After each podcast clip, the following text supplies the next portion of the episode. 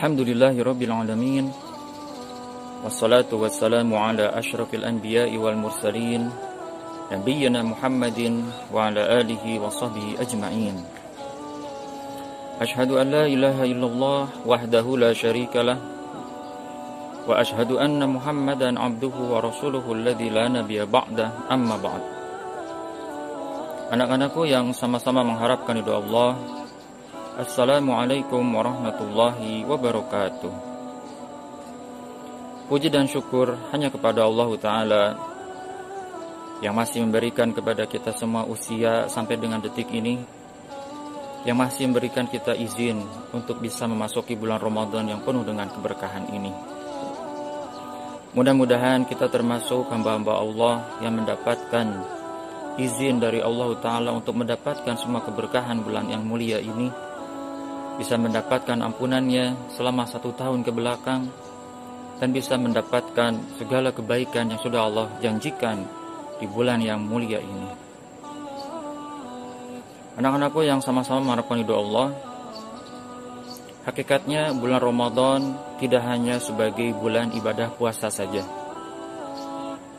Meskipun memang hanya di bulan Ramadan lah puasa itu diwajibkan, hanya di bulan Ramadan ibadah saum itu menjadi wajib.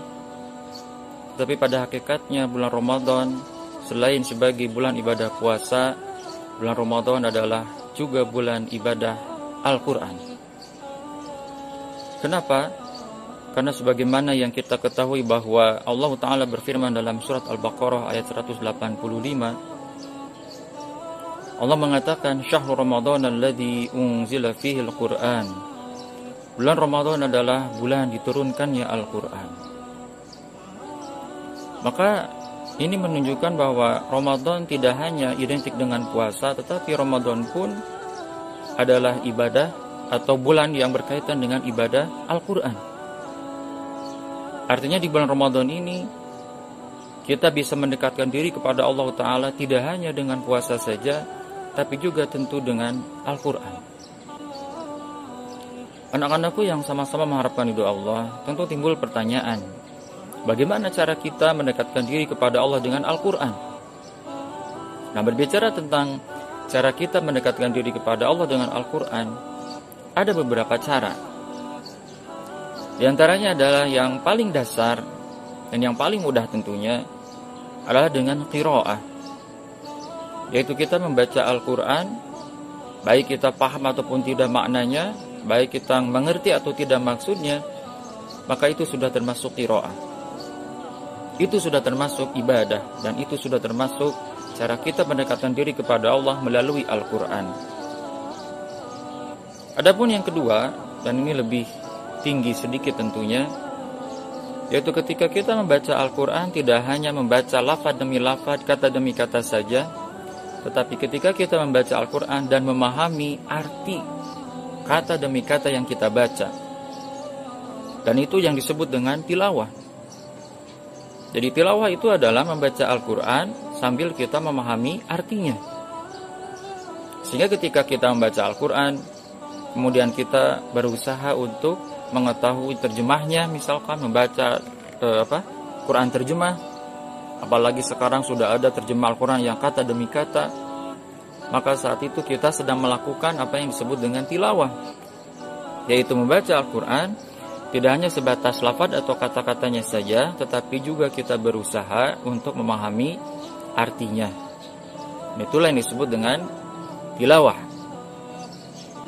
Yang ketiga, naik lagi satu derajat dari tilawah, yaitu ketika kita membaca Al-Quran, kita tidak hanya memahami artinya kata per kata atau artinya secara satu kalimat penuh, tetapi kita juga berusaha untuk memahami maksudnya. Jadi ketika kita sudah membaca Al-Quran, kemudian kita berusaha untuk memaknai atau memahami artinya, kita pun berusaha untuk memahami maksudnya. Jadi apa maksud Allah Ta'ala ketika menurunkan suatu ayat apa maksud Allah Ta'ala ketika menurunkan satu ayat dan memilih satu kata tertentu, tidak menggunakan dengan kata yang lain? Itu disebut dengan tafsir. Nah, jadi tafsir adalah ketika kita membaca Al-Quran, berusaha memahami artinya, juga berusaha memahami maksud dari ayat tersebut. Sehingga tafsir bisa dikatakan lebih tinggi derajatnya dari sekedar tilawah. Kemudian yang keempat, ini lebih dari tafsir gitu ya. Itu naik lagi satu tingkat dari tafsir itu apa yang disebut dengan tadabbur. Apa itu tadabbur? Tadabbur itu adalah ketika kita termotivasi, terdorong untuk mengamalkan apa yang sudah kita pahami. Jadi pertama kita membaca yaitu kiroah, kemudian kita berusaha untuk mengetahui artinya, yaitu apa yang disebut dengan tilawah. Lalu setelah kita tahu artinya, kita berusaha memahami apa maksud ayat tersebut. Itu yang disebut dengan tafsir. Yang kemudian yang terakhir yaitu kita berusaha memotivasi diri kita. Setelah kita memahami maksud dari ayat itu, bagaimana cara kita mengamalkannya dalam kehidupan sehari-hari. Itu yang disebut dengan tadabbur. Baik, kita ulang. Yang pertama, cara kita berinteraksi dengan Al-Quran atau cara kita mendekatkan diri kepada Allah dengan Al-Quran adalah yang pertama dengan kiro'ah, yaitu membaca Al-Quran baik memahami artinya ataupun tidak. Kemudian yang kedua, tilawah, yaitu membaca Al-Quran selain membaca lafadznya demi lafadz, kata demi kata dengan baik dan benar, juga kita berusaha untuk mengetahui artinya. Kemudian yang ketiga, naik satu tingkat yaitu tafsir. Selain kita membaca lafadznya, kemudian kita berusaha untuk mengetahui e, artinya kata demi kata, kita juga berusaha untuk mengetahui maksud dari ayat tersebut. Dan yang terakhir, dan ini ada yang lebih tinggi, tidak hanya memahami maksudnya saja, tapi juga sampai kepada tadabur, yaitu kita baca, kita tahu artinya, kita paham maksudnya dan kita memotivasi diri kita untuk mengamalkan apa yang sudah kita pahami tersebut dalam keseharian kita. Anak-anakku yang sama-sama harapkan ridho Allah, maka dari empat tingkatan tadi kiroa, tilawah, kemudian tafsir, lalu tadabur, semuanya tetap akan berawal dari satu langkah yang paling dasar yaitu kiroa. Tidak mungkin ada orang yang bisa mentadaburi Al-Quran tanpa membacanya terlebih dahulu. Tidak mungkin ada orang yang bisa paham atau uh, apa namanya membaca tafsir Al-Quran, paham maksud dari ayat-ayat yang dibacanya kalau dia tidak membaca terlebih dahulu lafad demi lafad Al-Quran tersebut.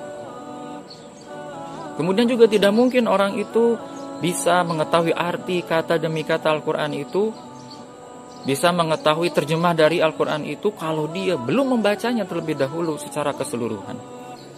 Maka oleh karena itu, dari empat tingkatan tadi tetap yang paling dasar itulah yang paling dibutuhkan oleh kita semua. Tanpa, tanpa ada kiroah tidak akan ada tilawah, tanpa ada kiroah tidak akan ada uh, tafsir, tanpa kiroah tidak akan ada tadabur. Artinya tetap langkah pertama yang paling dasar yang harus selalu kita lakukan interaksi kita dengan Al-Quran ini adalah dengan cara kiroah atau membacanya. Anak-anakku yang sama-sama harapkan ridho Allah, maka di bulan Ramadan ini, sebagaimana yang tadi saya sampaikan bahwa bulan Ramadan adalah bulan ibadah Al-Quran, artinya di Ramadan ini kita harus menjadikan Al-Quran lebih dekat lagi daripada bulan-bulan sebelumnya.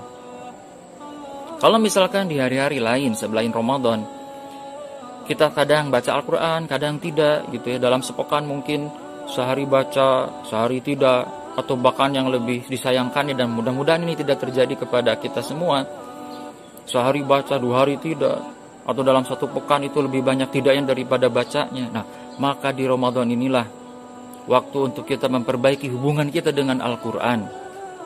Al-Quran yang pada hakikatnya adalah petunjuk Allah untuk manusia, Al-Quran yang pada hakikatnya adalah kalau bahasa lebih indahnya mungkin Al-Quran sebagai surat cinta Allah untuk manusia. Di bulan Ramadan inilah buat kita waktu untuk kita untuk memperbaiki hubungan kita dengan Al-Quran. Sehingga di Ramadan ini mari kita targetkan bahwa tidak ada hari tanpa Al-Quran. Tidak ada waktu tanpa membaca Al-Quran. Kalau misalkan di hari-hari lainnya kita bisa kuat di depan laptop, di depan komputer atau di depan HP kita. untuk menonton YouTube lah atau untuk main game atau untuk melakukan hal lainnya yang berkaitan dengan dengan kesenangan gitu ya. Maka di Ramadan ini mari kita kurangi hal itu tapi kita ganti dengan Al-Qur'an. Mari kita isi waktu-waktu kita dengan Al-Qur'an. Sehingga tentu ketika kita lebih sering membaca Al-Qur'an lebih sering bersama dengan Al-Qur'an kita akan lebih banyak bisa menghatamkannya nah maka di Ramadan inilah mari kita minimalnya kita punya target bahwa Al-Quran itu bisa kita khatamkan minimalnya satu kali. Al-Quran yang terdiri dari 30 juz ini bisa kita khatamkan minimalnya satu kali. Itu bagi mereka mungkin yang di bulan-bulan sebelumnya tidak bisa membaca Al-Quran khatam dalam satu bulan. Ya, jadi bagi uh, anak-anakku yang mungkin belum terbiasa menghatam Al-Quran dalam satu bulan, maka Ramadan inilah waktunya untuk latihan yang mudah-mudahan nanti setelah Ramadan bisa diteruskan Ya. Tapi kalau misalkan di antara anak-anakku ini sudah ada yang terbiasa gitu ya membaca Al-Qur'an dalam satu bulan sudah khatam, maka di Ramadan ini waktunya untuk meningkatkan. Kalau di bulan-bulan lain misalkan ya ada yang distilah dengan odoj itu. Ada yang dikenal istilahnya dengan odoj one day one juz. Maka di Ramadan ini mungkin bisa dirubah menjadi one day two juz gitu ya. Mungkin minimalnya satu hari dua juz. Satu hari bisa mungkin tiga juz. Untuk apa? agar kalau misalkan satu hari dua juz berarti kita bisa mengkhatamkan Al-Quran dalam satu bulan sampai dua kali. Nah, berbicara tentang itu, anak-anakku yang sama-sama rahmani doa Allah, mungkin timbul pertanyaan, bagaimana caranya? Bagaimana caranya agar dalam waktu satu bulan itu Al-Quran yang T dari 30 juz ini minimalnya bisa khatam dalam satu satu bulan gitu ya. Itu kalau misalkan targetnya adalah khatam satu kali. Atau juga bagaimana caranya agar membaca Al-Quran ini bisa khatam kalau misalkan ada yang ingin lebih dari satu kali, dua kali, atau tiga kali. Nah, anak-anakku yang sama-sama harapan doa Allah, sebetulnya logikanya gitu ya, kita tidak akan bisa memindahkan misalkan beras gitu ya, yang banyak, yang berat dalam sekali angkat. Misalkan orang yang tidak terbiasa oh, membawa beban yang berat, terus kemudian kita ingin memindahkan tuh satu karung beras yang berat itu, yang besar itu, mungkin ada yang 50 kilo gitu ya, satu kali angkat mungkin kita tidak sanggup. Tapi kalau misalkan kita pindahkan gitu ya beras itu, mungkin kita pindahkan ke wadahnya yang di dalam rumah, kita pindahkan mungkin satu gayung gitu ya, mungkin kita pindahkan segayung demi segayung, maka insya Allah beras yang begitu banyak itu bisa kita pindahkan. Atau juga mungkin misalkan benda yang lain gitu ya, batu bata misalkan. Batu bata yang ribuan itu, yang satu truk itu, tidak mungkin kita pindahkan dalam satu waktu hanya dengan sendirian itu. Itu tidak mungkin. Seandainya kita kita pindahkan batu yang begitu banyak itu dengan sendirian, tentu harus kita pindahkan satu demi satu. Atau mungkin kalau pakai alat ya satu gerobak demi satu gerobak yang kita kita dorong. Itu juga sebetulnya yang bisa kita lakukan dengan Al-Qur'an. Jadi kalau misalkan satu duduk langsung 30 juz, ya memang susah gitu ya. Atau misalkan uh, satu hari satu juz gitu ya. Satu duduk langsung satu juz, mungkin yang belum terbiasa ya sulit. Ya, apalagi mungkin uh, suaranya jadi parau dan sebagainya gitu ya. Sulit kalau tidak terbiasa. Maka cara yang harus kita lakukan adalah memecahnya atau memisah-misahnya. Kita semua paham bahwa e, Al-Qur'an itu 30 juz yang apa namanya e, apa nam, e, satu juz Al-Qur'an itu terdiri dari 10 lembar e, 10 lembar Al-Qur'an. Atau satu juz itu bisa dikatakan terdiri dari 20 halaman. Rata-rata seperti itu.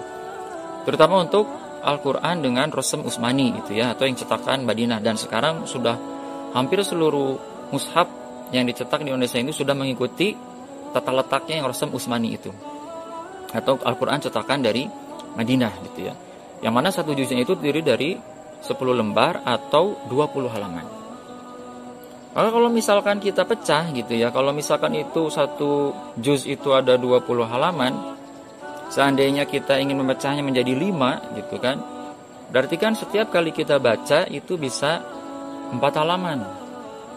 Misal kita ingin membacanya jadi lima karena kita berencana ingin e, membaca Al-Quran ini setiap habis sholat misal gitu ya. Setiap habis sholat kita baca Quran, setiap habis sholat baca Quran. Berarti setiap habis sholat itu bisa kita baca sekitar empat halaman. Misal setelah subuh empat halaman, setelah duhur empat halaman, setelah asar empat halaman, setelah maghrib empat halaman, setelah isya empat halaman. Alhamdulillah itu satu hari itu kita sudah menyelesaikan satu juz. Atau misalkan kalau masih merasa banyak kebanyakan, kalau belum terbiasa, bisa dipecah lagi. Sebelum sholat misalkan, sebelum sholat dua halaman. Ya kan? Setelah sholat dua halaman. Jadi eh, sebelum sholat dua halaman, setelah selesai sholat eh, dua halaman, sehingga menjadi empat, empat halaman. Sebelum sholat dua halaman, selesai sholat dua halaman, terus seperti itu lima kali sholat, insya Allah kita sudah menyelesaikan satu juz. Kalau kita konsisten setiap hari seperti itu, insya Allah satu bulan kita selesai meng, apa, menghatamkan kiroah Al-Quran kita yang 30 juz itu. Nah sekarang kalau misalkan ada yang punya target lebih dari satu kali khatam, misalkan eh, dua kali gitu ya, berarti tinggal kita kalikan dua. Berarti kalau misalkan yang ingin dua kali khatam, berarti minimalnya satu kali baca itu, satu hari itu kita harus menyelesaikan dua, dua juz. Nah berarti kalau begitu, kalau ingin dibaca setiap kali habis selesai sholat, berarti kita harus baca. Kalau tadi satu juz itu diselesaikan setiap habis sholat itu empat halaman, berarti kalau ingin dua juz tinggal dikali dua, delapan halaman. Seandainya berat, ya tinggal dibagi dua lagi tuh, sebelum dan selesai sholat. Sebelum sebelum sholat empat halaman, selesai sholat empat halaman. Terus seperti itu. Setelah misalkan sebelum subuh empat halaman, Selesai subuh empat halaman. Sebelum duhur empat. Sesudahnya empat. Asar sebelumnya empat. Sesudahnya empat. Maghrib sebelumnya empat. Ya sambil menunggu buka puasa tuh. Setelah maghribnya empat. Sebelum isya empat.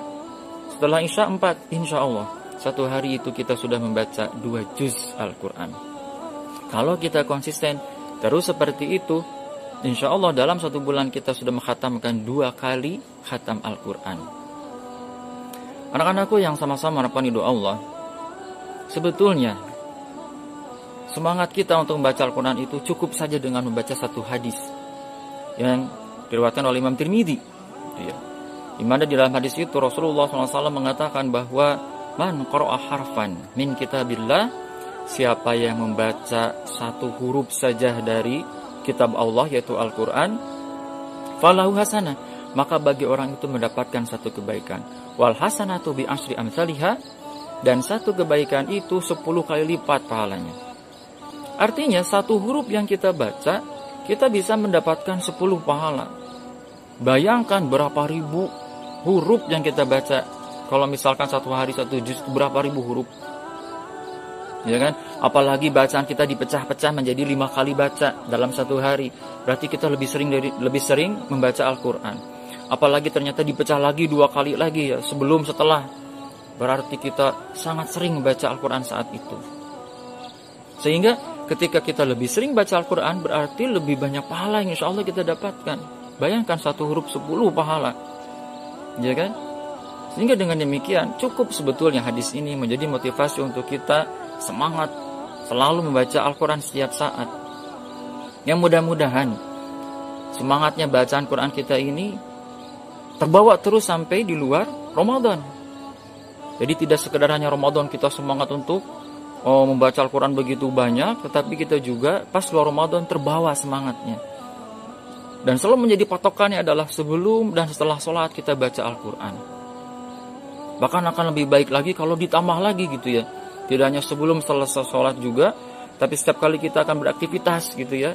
Atau setelah beraktivitas, misal gitu ya, ini untuk contoh saja misal setiap habis main game baca Quran dulu atau pas mau main game baca Quran dulu. Ya kan? Supaya apa? Supaya main gamenya tidak kebablasan gitu sama Allah dijaga tuh. Karena diawali baca Quran dulu. Misal saja ini, sebelum main game baca Quran dulu selesai main game, baca Quran dulu. Jadi tidak hanya sebelum selesai sholat saja, tapi sebelum selesai beraktivitas, berkegiatan atau main gitu ya, itu baca Quran dulu. Luar biasa kalau bisa seperti itu. Misalkan sebelum internetan baca Quran dulu selesai internetan baca Quran lagi Masya Allah kalau bisa seperti itu Masya Allah tidak ada tidak tiada hari tanpa Al-Quran tiada waktu tanpa Al-Quran. Insya Allah kita menjadi ahlul Quran. Sehingga kalau Al-Quran itu sering dibaca sehingga Al-Quran itu masuk ke alam bawah sadar kita. Sehingga dalam apa setiap kali kita beraktivitas kita akan dijaga oleh Allah melalui Al-Quran yang sering kita baca itu. Walaupun tidak paham Itulah mujizatnya Al-Quran. Mau paham tidak paham, Al-Quran itu luar biasa mempengaruhi hati seseorang yang sering membacanya.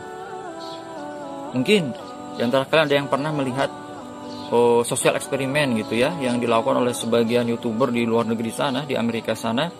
Mereka mencoba memperdengarkan bacaan Al-Quran kepada orang-orang non-Muslim, orang-orang yang bukan Islam gitu ya, yang tidak beriman. Coba akan dengarkan Al-Quran. Hampir semuanya menangis Intinya bahwa Al-Quran itu adalah mukjizat yaitu ketika dibaca baik dipahami ataupun tidak itu adalah mukjizat yang luar biasa yang akan mempengaruhi hati kita. Sehingga kalau misal Al-Quran itu sudah masuk dalam hati kita insya Allah dengan Al-Quran dengan cahaya Al-Quran itulah Allah Ta'ala akan membimbing hidup kita. Setiap kali kita mendapatkan masalah kesulitan kita kita insya Allah selalu bisa bersabar. Selalu diberikan Ketika diberikan nikmat oleh Allah, kesenangan, kita tidak akan pernah lupa untuk selalu bersyukur. Itulah di antara mujizat Al-Quran kalau Al-Quran itu dibaca setiap saat. Anak-anakku yang sama-sama harapan Allah, oleh karena itu, marilah kita jadikan Ramadan ini adalah bulan untuk meningkatkan hubungan kita dengan Al-Quran. Mari kita baca sebanyak-banyak Al-Quran ini, walaupun mungkin saat ini kita belum bisa memahaminya, tapi insya Allah suatu waktu nanti ketika kita sudah terbiasa membacanya, kita akan lebih haus lagi ingin membacanya, lebih dari sekedar baca, tapi ingin mengetahui artinya. Kalau kita sudah terbiasa tahu artinya, insya Allah kita akan terdorong lagi ingin lebih dari itu. Kita ingin mengetahui maksud ayatnya. Dan tentunya, walaupun sebelum kita mencapai itu, kewajiban kita mengamal Al-Quran pun sudah ada, tapi mungkin setelah kita memahami maksudnya, motivasi untuk mengamalkan Al-Quran itu lebih besar lagi dari sebelumnya. Oleh karena itu, mari kita targetkan di Ramadan ini minimalnya bisa khatam satu kali khatam.